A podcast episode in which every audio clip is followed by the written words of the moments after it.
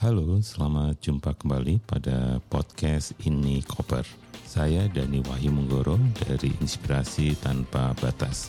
Podcast ini ditujukan untuk siapa pun yang sedang melakukan perubahan, baik di tingkat komunitas, di tingkat tim, tingkat organisasi, maupun di tingkat yang lebih luas. Kali ini saya ingin belajar sebenarnya dari permainan sepak bola Kebetulan kali ini sedang berlangsung Piala Dunia dan saya sangat tertarik karena semua orang sekarang tertuju untuk melihat kejutan-kejutan di Piala Dunia yang berlangsung di Qatar di Timur Tengah.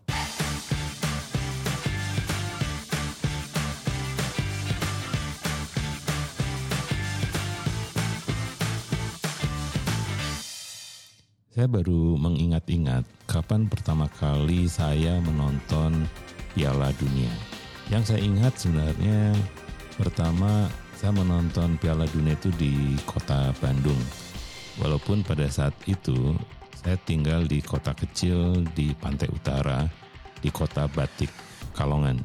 Pada tahun itu saya ingat bagaimana kita mendukung Jerman kalau tidak salah karena kebetulan kita membaca di Kompas ya di koran Kompas yang bagaimana hebatnya tim Jerman pada saat itu.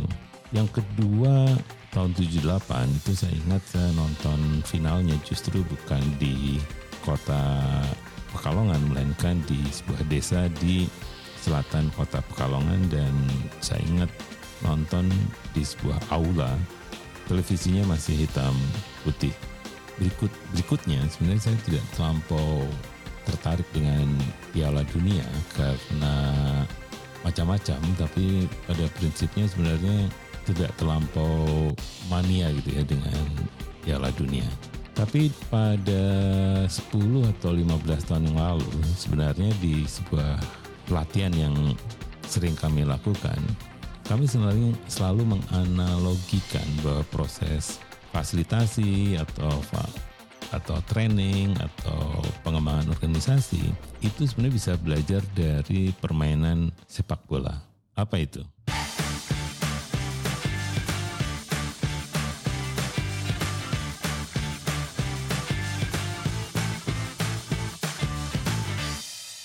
Ya, dalam bermain sepak bola sebenarnya peran penting di dalam permainan sepak bola saat ini atau permainan sepak bola modern itu kuncinya di coach sebenarnya.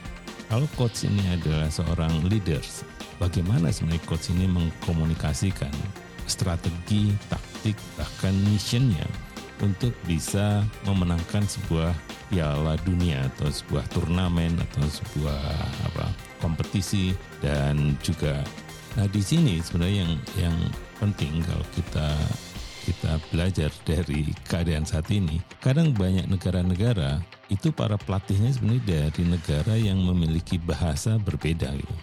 Ya misalnya Indonesia saat ini itu dilatih oleh pelatih dari Korea.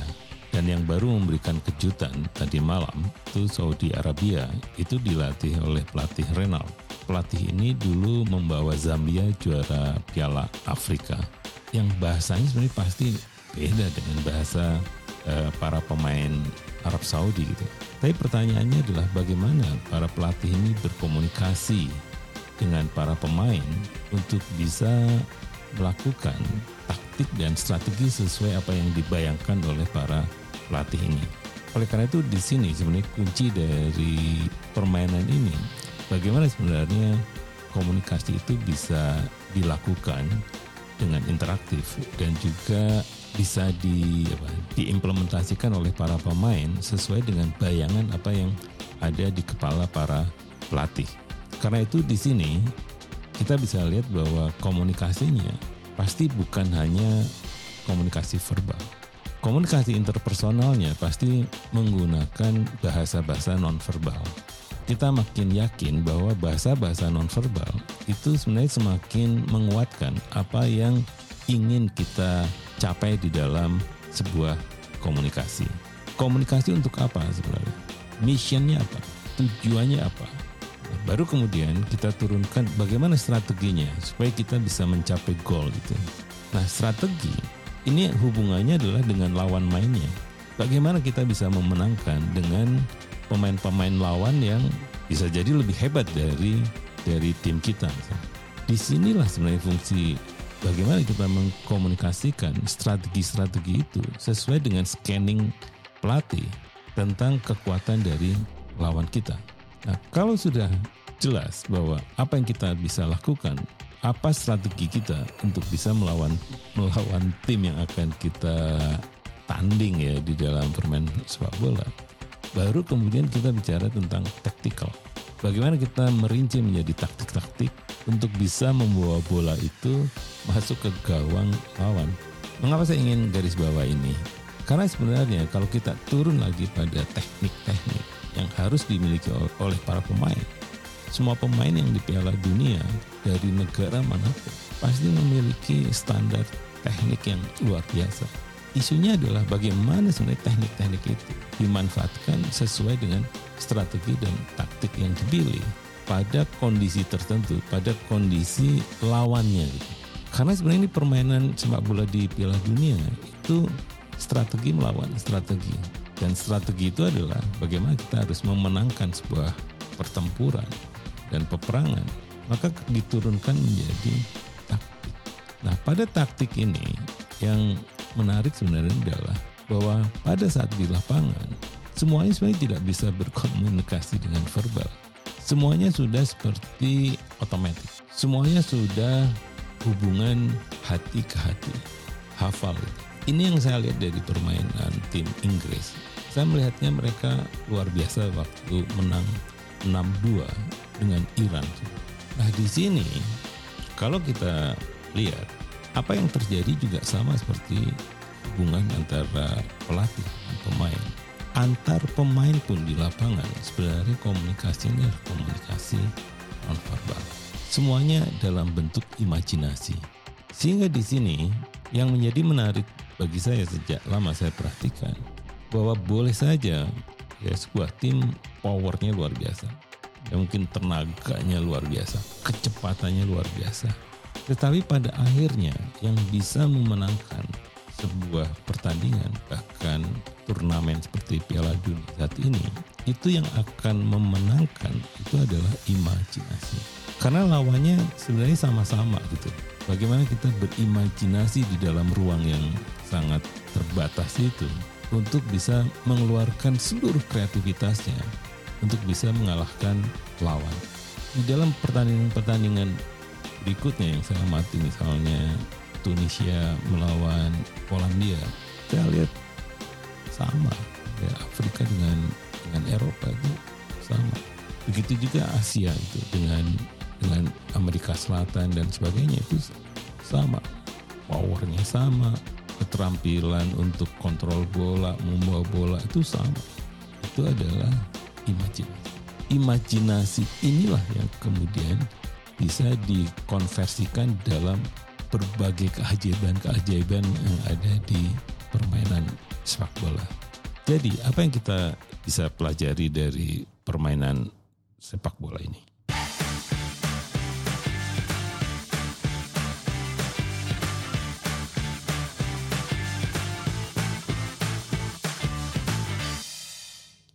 Yang pertama sebenarnya adalah tentang mission.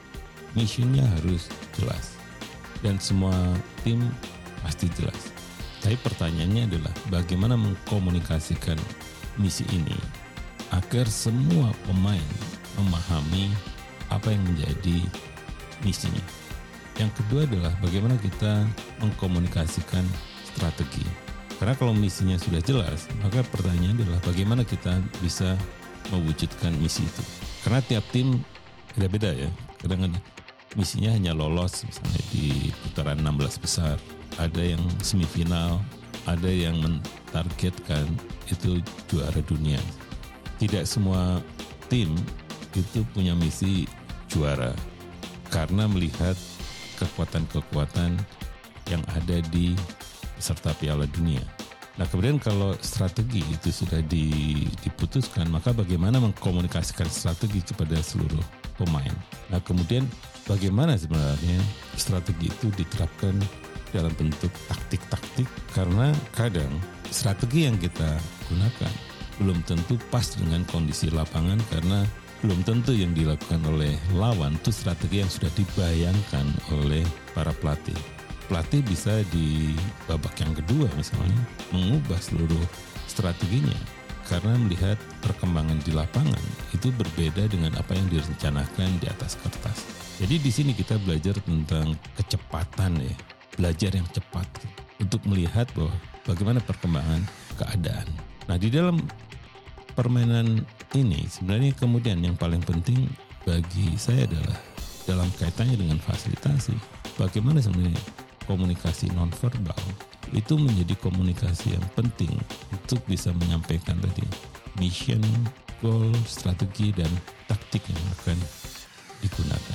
Dengan memanfaatkan bahasa-bahasa nonverbal ini, maka sebenarnya sebuah tim atau organisasi itu bisa mencapai misi tertingginya. Itu saja pelajaran yang kita bisa petik dari permainan sepak bola dalam kaitannya dengan fasilitasi untuk menjadikan komunikasi mudah dan punya impact pada misi setiap organisasi. Sampai jumpa pada edisi berikutnya.